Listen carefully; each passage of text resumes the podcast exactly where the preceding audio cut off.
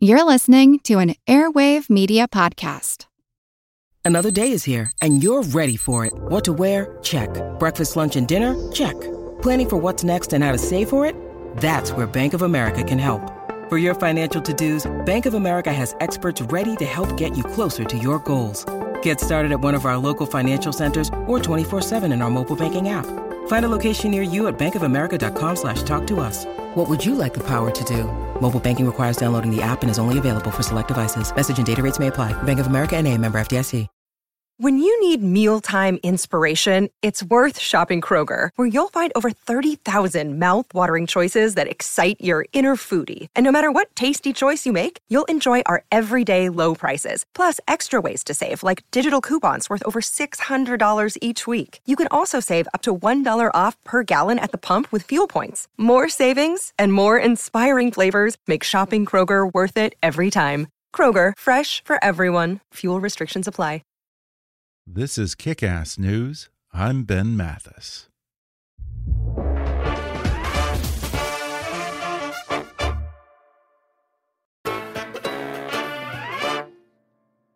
Mike Rowe has taken on some of the toughest and most disgusting jobs on earth.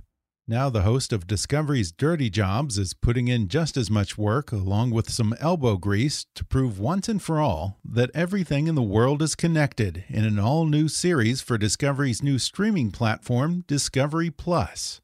In each episode of Six Degrees with Mike Rowe, he transports himself back in time to some of the most major moments in history and connects the dots between these events, revealing incredible stories along the way.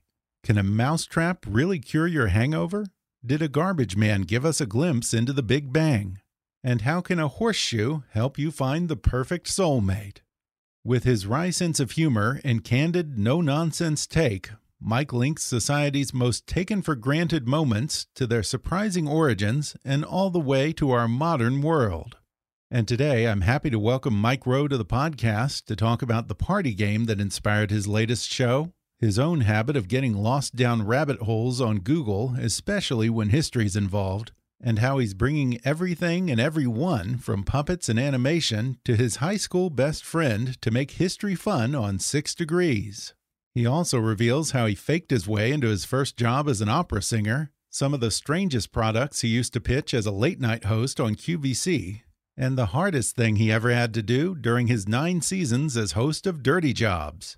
Plus, he shares where he gets his famous work ethic, what he's doing to help young people find honest work in the vocational trades, and why he believes that four year colleges are becoming increasingly out of touch. Coming up with Mike Rowe in just a moment.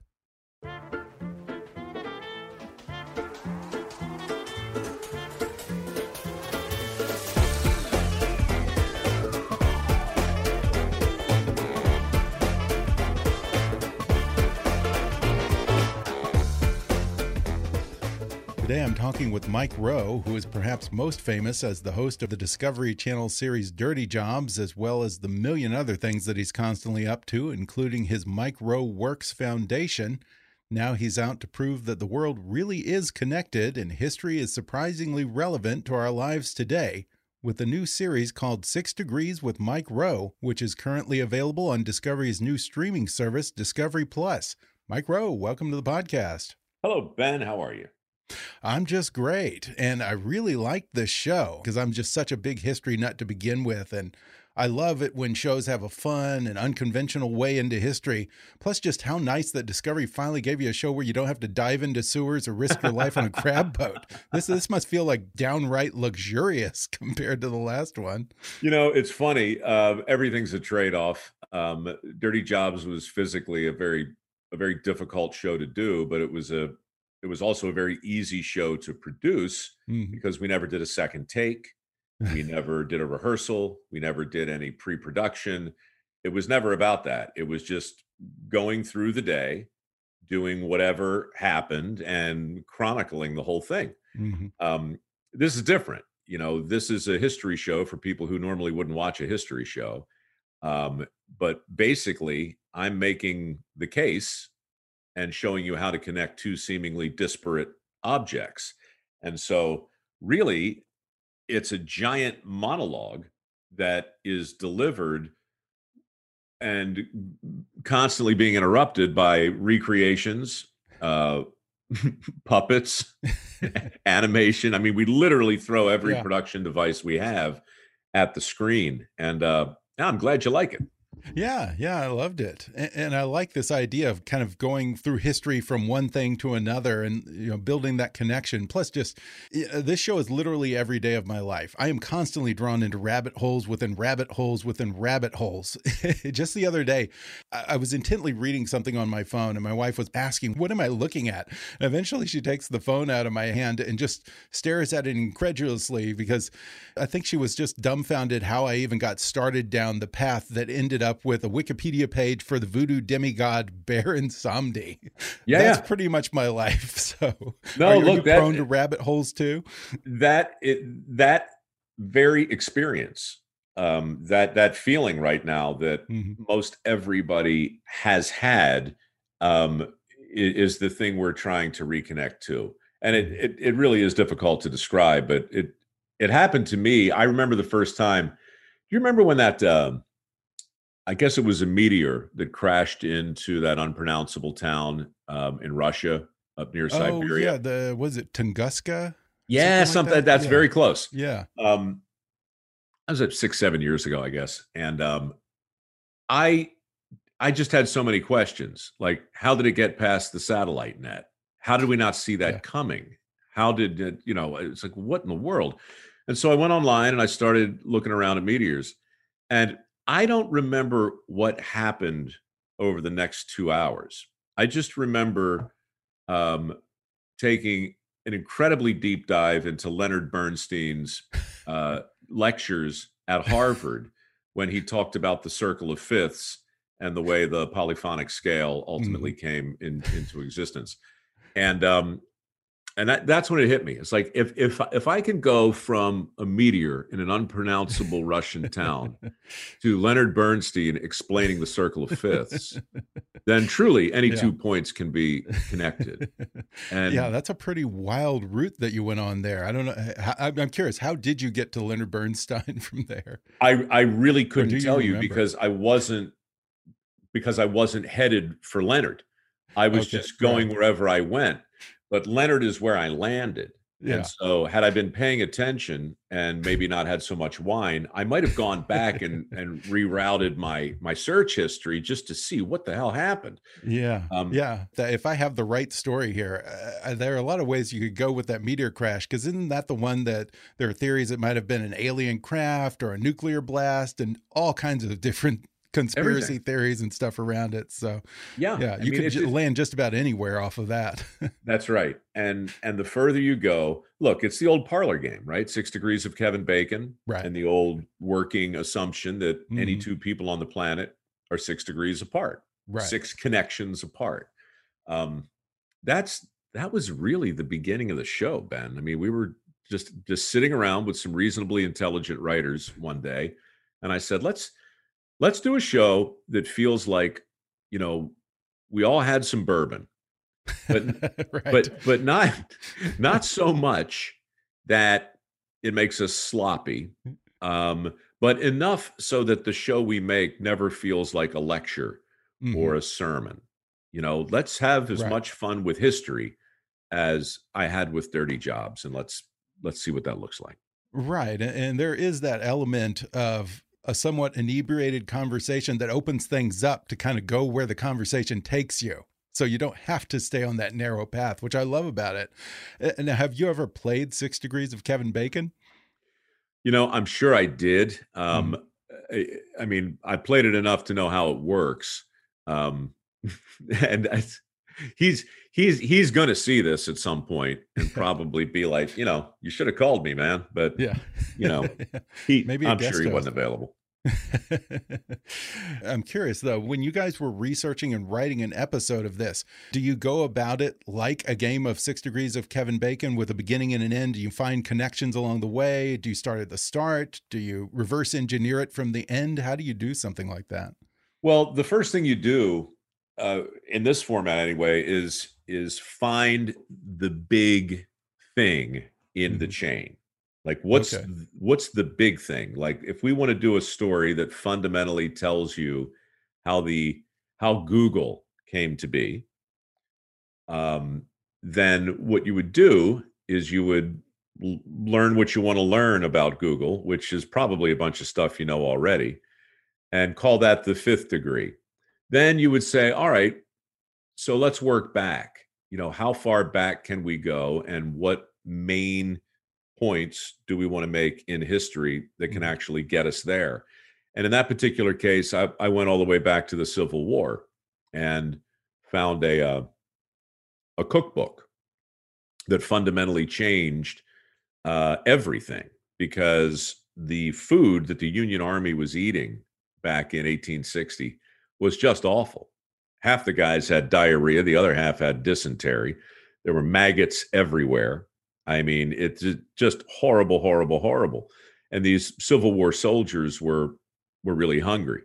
Mhm. So I tell the story of the guy James Sanderson who created the first uh, cookbook that was used in the field and the impact that had on the war. And of course, that war was won by the Union, and that led to the Union stockyards. And so the the demand for meat when his book really circulated was was huge. And so we look at the impact of uh, meat byproducts as well as meat and what that did to the railroad industry and how the meat byproducts were used in sporting goods. And then we learned that Knute Rockne and Charlie Bachman, who invented the forward pass once upon a time for Notre Dame, well, Charlie had a son named Charles, and Charles Jr. used the whole notion of a forward pass. You know, at the time they played football in a way that didn't require Right. there, there was no passing game.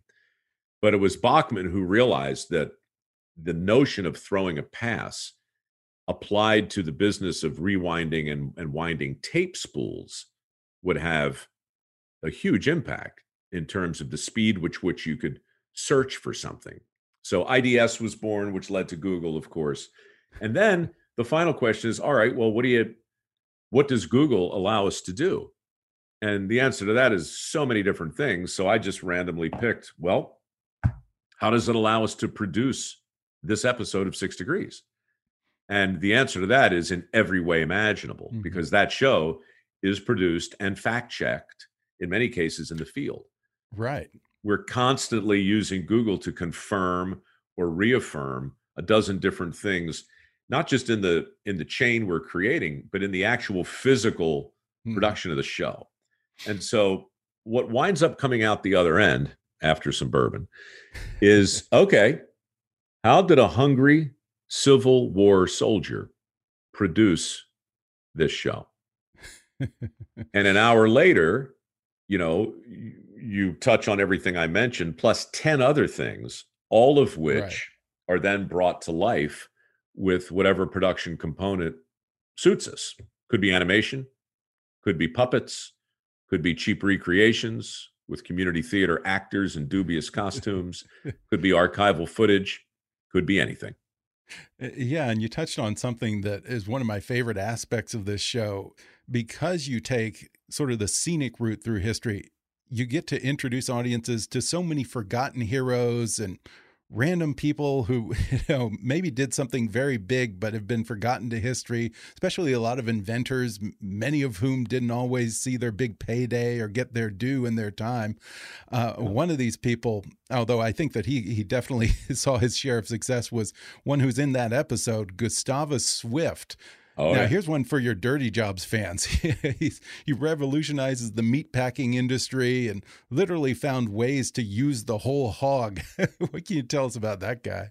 everything but the squeal. He said, "Yeah, Swift Swift changed everything. Um, he he invented a refrigerated railroad car, and until that point, you really couldn't ship meat. You know, you kind of had to run the cow itself. It, it just it just didn't it just didn't work. But once once he figured out how to get a carcass onto a refrigerated railroad car and send it anywhere well that drove the railroads to build more tracks and that that just changed everything Mhm. and and while he was perfecting the uh the modern day slaughterhouse which was truly I mean, it's just unspeakable if you haven't read Right. uh, The Jungle, you Yeah. know, Upton Sinclair. I mean, my God. But, you know, Swift was right there at the beginning of that. And um, he was also creating all of this waste, all these meat byproducts. And one of them happened to be, uh, you know, catgut, which they used for tennis rackets and violins. And he had a partner, guy named Wilson, Thomas Wilson, you know, who became Wilson Sporting Goods mogul. That all came out of the meat industry as well. And so it was through Wilson that we actually get to Knute Rockne. You know, Wilson was making footballs out of pig bladders at the time, yeah. um, coming out of Swift's operation. And so when they finally figured out how to make a more efficient football, Knute Rockne and Charlie Bachman were there to perfect the forward pass. And so just, you know, way neat. Eh, you could spin this thing in a thousand different Oh, yeah. directions and you can tell the story in a thousand different ways. But, you know, to answer your earlier question, part of it too is you, when you write it, you just kind of sit down and say, well, you know, what would people like to know as just mm-hmm. a little did you know, just a little bit of water cooler chatter. right. Well, Charles Newbold invented the iron plow when he was 16, 17 years old. And the iron plow, in an episode called How a Horseshoe Can Find Your Soulmate, um, completely transforms agriculture. I mean, it literally brings in the agricultural revolution. And so that little bit of information all by itself is kind of interesting. And you could take it and you could make an hour show out of it. Or you could just spend three or four minutes on it and make it a link in a chain. And if you do that, then you leave yourself enough time to build the chain as long as you want and Mhm. send the viewer home with just, you know, 10 pounds of crap in a five pound bag is what I want the show to feel like. So Yeah. much information.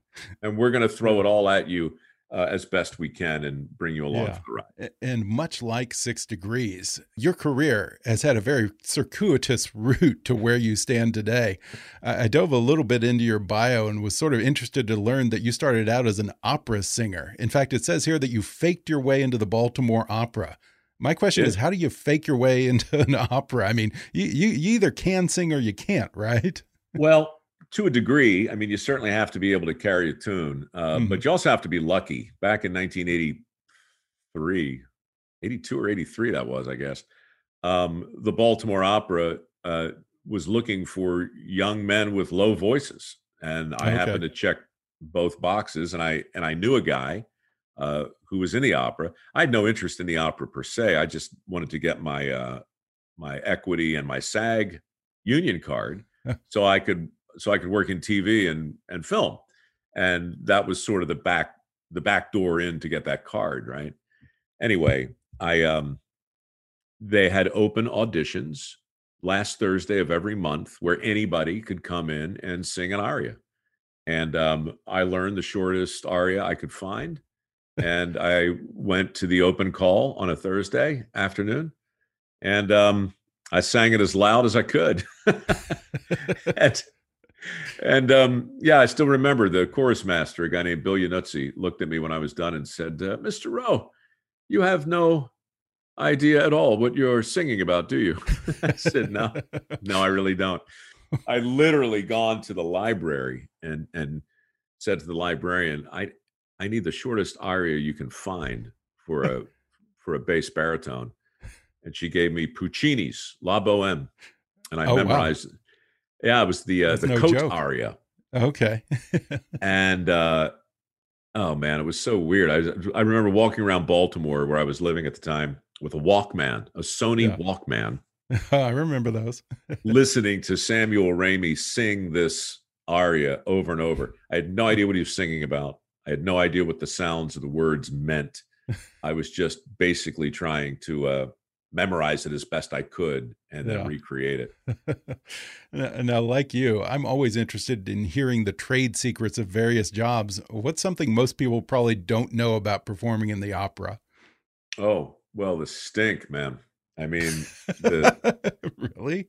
The oh the, well, the costumes are generally Oh, very heavy and they're made of Right. burlap, you know, and uh, you know, you just sweat to death on on stage under those lights. Mhm. And um yeah, it's just you just can't get the stink out of them. They smell like a hockey outfit yeah. most of the time. um, the spit. I mean, the amount of oh, spit oh, yeah. that flies I through the air. Mm-hmm. It, it's just it's mind blowing when you see these, you know, big tenors face to face with these big sopranos and they're yeah. screaming each other's faces. You get close enough, man. You're just looking at snot bubbles and saliva and all kinds of stuff flying okay. through the air. It is it's a it's a fairly disgusting. No, not a COVID friendly job, then I guess. no, it is not, man. And I, I feel bad for opera companies all over the country now. Yeah. They're you know, yeah. they're all shut down. But yeah, I mean it's uh I I wound up staying in the opera eight years, Ben. I really? um the music was better than I thought. I had a I had a great time. I, I didn't plan. I was just going to get my union card and leave, um, but I stuck around. Um, I learned a few things, and really, look, when you're 23 years old, dressed like a pirate or a Viking, and you're surrounded by you know 25, 30 co-eds from the Peabody Institute, um, and you know most of the guys don't have any interest in any of the girls. You're right. Just, okay. so, so, it's, it's like you know, dating. I, I'm, I'm going to maybe stick around. Good numbers there, huh? Target rich. We're going to take a quick break, and then we'll return with more when we come back in just a moment.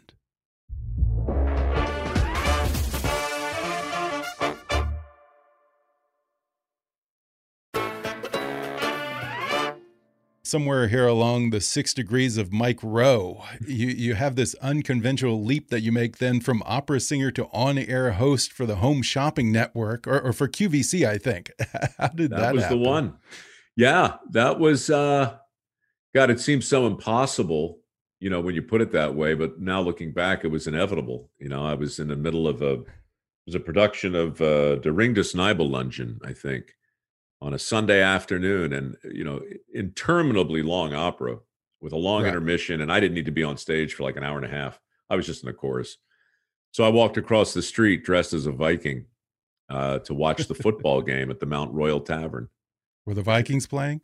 that would have been too rich, but no, I the game wasn't on. I mean, it it should have been on, but the yeah. bartender was watching um, a, a fat guy in a shiny suit sell pots and pans and I'm like, Rick, what are you doing, man? I'd like, let's watch the game. He said, I got to watch this guy. There was another audition. Um, QVC was in town holding an open call because uh, they were looking for hosts. So I sat there dressed as a Viking, drinking a beer, arguing with Rick about the fact that I believed I could get a call back if I went to the audition with him. He was a fellow actor, guy I'd yeah. known for a while. So we basically made a bet and I went with him the next day down to the Marriott in a Harbor Place to audition for a show host on the QVC cable shopping channel. And uh, in that audition, a guy set up a camera, talk about the pencil for eight minutes. Don't stop. Don't stop until I tell you to. And uh, that was it. That's how they auditioned for a host in those days. If you could talk about a pencil for eight minutes, they gave you a uh, a three month probationary contract. No if you kidding. made it through that, you had a job. That's amazing. Uh, what were some of the products that you hawked on QVC? My God, all of it, man. I mean, yeah, mostly like if you got through the pencil audition and you made it on the air, they they didn't train you because there there really is no training program. You, mm-hmm. it's kind of a baptism by fire. So what they do is they put you on the air at three in the morning, three to six a.m., and you sit there um, trying to make sense of the products that didn't sell in prime time. Okay. right. Oh, great. so the uh, okay. you know the Amcor negative ion generator, the um, Health Team infrared pain reliever, yeah, you know, Diamonique, Yves Rocher perfumes. I mean, it's just you know electronic mosquito repellers. eel skin wallets from Lee Sands. It was endless. Wow. It was like the stuff you would expect to find in a yeah one of those machines on the Carnival Midway with a claw, you know. Right. Yeah. Yeah. Exactly. so yeah, I just I I sat there for three hours a night, um, trying to describe these things, and um, and basically that's that's it. That's that's yeah. how you learn. Yeah. And, uh, What was your biggest seller? Um, in in general, uh, jewelry did Oh, yeah. really well on on QVC, but probably just because we sold so much of it. Um, Oh yeah. you know, I remember the first the first thing they gave me was this uh, health team infrared pain reliever. I write about it in my book actually because it kind of it, it was a it was a huge lesson. But this is a it looks like a little flashlight with a red knob on the end, and you plug it in, and it emits uh, infrared light, which purportedly makes your arthritis feel better. Right? So let's be honest. Basically, it was a flashlight. Yeah, I, look, I, I honestly thought it was a joke. I just thought somebody's pulling my chain. This is Yeah. like I'm being punked or something. yeah. Um, but it was the first thing they gave me to sell. And I looked in the camera and I said, uh, Hi, everybody. I'm Mike. I'm the new guy, and I'll be here for the next three hours. And this is the Health Team Infrared Pain Reliever. Uh, it's $19.99. I don't really understand what it is. I don't understand how it works. And I'm not 100% sure why anyone would buy one. But if you have one, do me a favor and call the number on the screen and ask for Marty. The producer will put you through, and maybe you can explain to me what the hell this thing is. Nice. You crowdsourced it. I crowdsourced it and I stole from uh, Mark Twain, Tom Sawyer, Paint the Fence, right? Oh yeah. Um, although I didn't really know I was doing that at the time, I just genuinely didn't know how to talk for eight minutes about a flashlight with a red knob on the end. right. The phones exploded at, at three in the morning. I mean, dozens of people called in, and the producer put them on the air, and it- we had a great time. I, I sat there while these people basically did my job, and you know, it wasn't a testimonial call, although they did own the product. It was a hey, let me help you out. Let me tell you how it works. So it was some testimonial in it, but mainly it was just me throwing myself at the uh, at the mercy Yeah. of of the viewers and in some way shape or form i've i've been doing that ever since Yeah. Yeah. Now, I haven't watched QVC in a very, very long time, but as I recall, it was a little bit like listening to Coast to Coast AM in terms of the kind of people who call in at that hour. what kind of person is the typical late night QVC viewer slash caller slash buyer? at the time 1989 1990 it was a combination of night owls lonely hearts big drinkers um, and reprobates you know they were people in many cases qvc had a big audience in those days in the in the red states in the in, in the rural part of the country Mhm. because you know they couldn't get to a mall um, and you know the whole notion of having products delivered to you i mean it was Yeah. it was sense. it was it was revolutionary but but at night it wasn't so much about the shopping people bought stuff but it was really about company people wanted company. They were they were lonesome and Huh. and and so they watched because it was a friendly face at the door and sometimes they'd buy something and yeah i mean it was a very weird mix for me because i never took the job seriously. I i i, I shouldn't have been hired you know? Like i said i auditioned to settle a bet and once i got on the air i started looking for ways to get myself fired because i didn't really want to do that for a real length of time but like the opera it actually became kind of fun and the whole notion of a steady paycheck you know which is something i had never experienced before Yeah. uh, i was into it so i you know I, I i was on thin ice for three years got fired three times and stayed on a uh, kind of double secret uh, probation for most of my tenure now, you're best known for your nine seasons hosting the hit series Dirty Jobs on Discovery. And I have to ask, how did you first get into something like that? I'm, I'm assuming that jumping into sewers and inseminating cows weren't at the top of your bucket list. So, was it just a No. slow couple of months and it's a paycheck, or what? How does one well end up in there? you know i thought that's what it was going to be after Yeah. qvc from 1993 until 2001 um, i had maybe 300 different jobs Mhm. I worked for every cable network. I impersonated a host pretty well um, on a lot of different shows.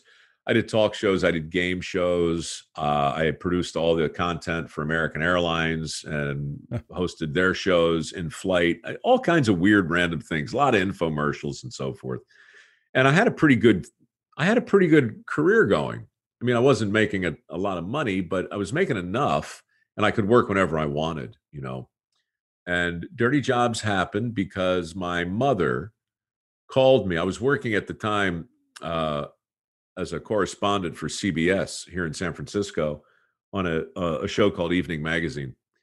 And she called me to say, Michael, my, my grandfather um, was a huge impact on my life and somebody who I admired a great deal. And he built the house I was born in without a blueprint. He was a wow. You know, he dropped out of school in the seventh grade to work, but by the time he was 30, he was an electrician, a steam fitter, a pipe fitter, he's a mechanic, yeah, architect. He just did all that stuff instinctively. And I was sure I was going to follow in his shoes, but you know, the handy gene is recessive, uh, tragically. and so I wound up in the entertainment business and working at Evening Magazine at CBS. My mother called me. I was sitting in my cubicle and she said, Michael, you know, your grandfather, he's not going to be around forever. He's 91 years old. I was just thinking, wouldn't it be great if before he died, he could turn on the television and see you doing something that looked like work? Love it. so, you know, as usual, my mother was right, and I thought, you know, why why not? I'm I'm sort of hosting this show, correspondent, working in it, and I, I can I can do pretty much whatever I want. So the next night, I uh, I took Evening Magazine into the sewers of San Francisco, uh, and and hosted it from that location. And what happened to me in the sewer, with the sewer inspector, and the rats, and the giant river of crap, and all the condoms and disgusting paraphernalia that you find yourself squatting in. I mean, it was all so awful and great and weird that I put that on the air on Evening Magazine which mm-hmm. ultimately got me fired from that show. But really, but laid the groundwork for uh, what became Dirty Jobs. Yeah. Uh, what was the worst or hardest dirty job that you ever did? Mm. Well, I mean, very different. You know, I mean, it's hard to compare like the backbreaking manual labor of a concrete chipper mm -hmm. with just the incredible, disgusting stench of a lift pump right repair technician. So getting a ruptured lift pump out of a out of a pumping station, you know, requires you to literally swim through raw sewage mm-hmm. and crawl up on top of this four ton motor that they winch out of this five story shaft. And there's no way to describe it. You you you do it, and when you hear the sound that a ruptured lift pump makes when it breaks the seal of crap that's been holding it to the to the floor. You know that that'll haunt your dreams. And yeah, um, okay. So we'd have to break it down into categories, I guess. what yeah. you're saying. yeah, but actually, you know, I mean, con concrete chipper is it was a great dirty job and one I don't often talk about. But it, it at at night, hundreds of concrete trucks all get returned to a, a yard, a big yard. Mm -hmm. And inside of the drums is a lot of hardened concrete because every time the drum turns, a thin layer sticks to the previous layer and it and it hardens. Hmm. And so after 8 hours of turning, the inside of a concrete drum winds up being about a half the size that it was in the morning. Interesting. Right. So all that hardened concrete that needs to be chipped out every night. And so men go into the into these drums with these pneumatic jackhammers that weigh about 90 pounds. And you've got eye protection, you got ear protection, you've got a mask, you're totally claustrophobic. And you literally mm. lie on your back with this 90 pound gun and just wow. Yeah. and it takes, you know, it takes That's an hour. Hard work. I never even thought about that. It is backbreaking. And yeah you know, you got to throw the chunks out and, you know, then you move on to the next one, the next one. Yeah. Every night, seven nights wow. a week, it never stops. Yeah, I never there. thought about it. It does. I, yeah, I always wondered why why it doesn't harden in the drum, but it must eventually. It does. okay, so it absolutely does. That's the answer. Okay. Okay. W were there any jobs on the show that you ever turned down? They're either too dangerous or too gross. Um, yeah, the but but not for the reasons you think. It oh, it yeah. wasn't about too dangerous and it wasn't about too gross. It was okay. it was really about. It was very important to me on that show to be able to infuse a measure of humor mm-hmm. into each episode because I wanted to challenge the idea that dirty jobs were always drudgery. I mean, they were dirty and they were hard, and some of them were backbreaking and some of them were miserable. But everywhere I went, there was always a great gallows sense of humor among the guys mm-hmm. who did the work. And so I always wanted to make sure that was in the show. So when they pitched ideas like mm, crime scene cleanup. Okay. Yeah. Or was a good one? Body yeah. farm technician. Mm -hmm. Yeah. Battlefield medic. Not a lot of laughs there, I guess. Yeah. It's, you know, yeah. yeah, when you put a corpse into the trunk of a Pinto and then submerge the Pinto in the Atchafalaya swamp for two weeks and then pull the Pinto out and open the trunk in order to better understand what a corpse looks like that's been submerged yeah. for two weeks in the Atchafalaya swamp. Well, that is a dirty job, but yeah. you just you just can't joke about it. Yeah, yeah, that's true. Now to go back to your latest show, Six Degrees. Um, yeah, one of the things that I enjoyed about it is you actually sort of break the fourth wall on this show and walk in and out of the set, reveal the behind the scenes of a production and the people involved and what they do. That seems very consistent with your brand to show sort of the inner workings of things. Was that a big part of the appeal to you?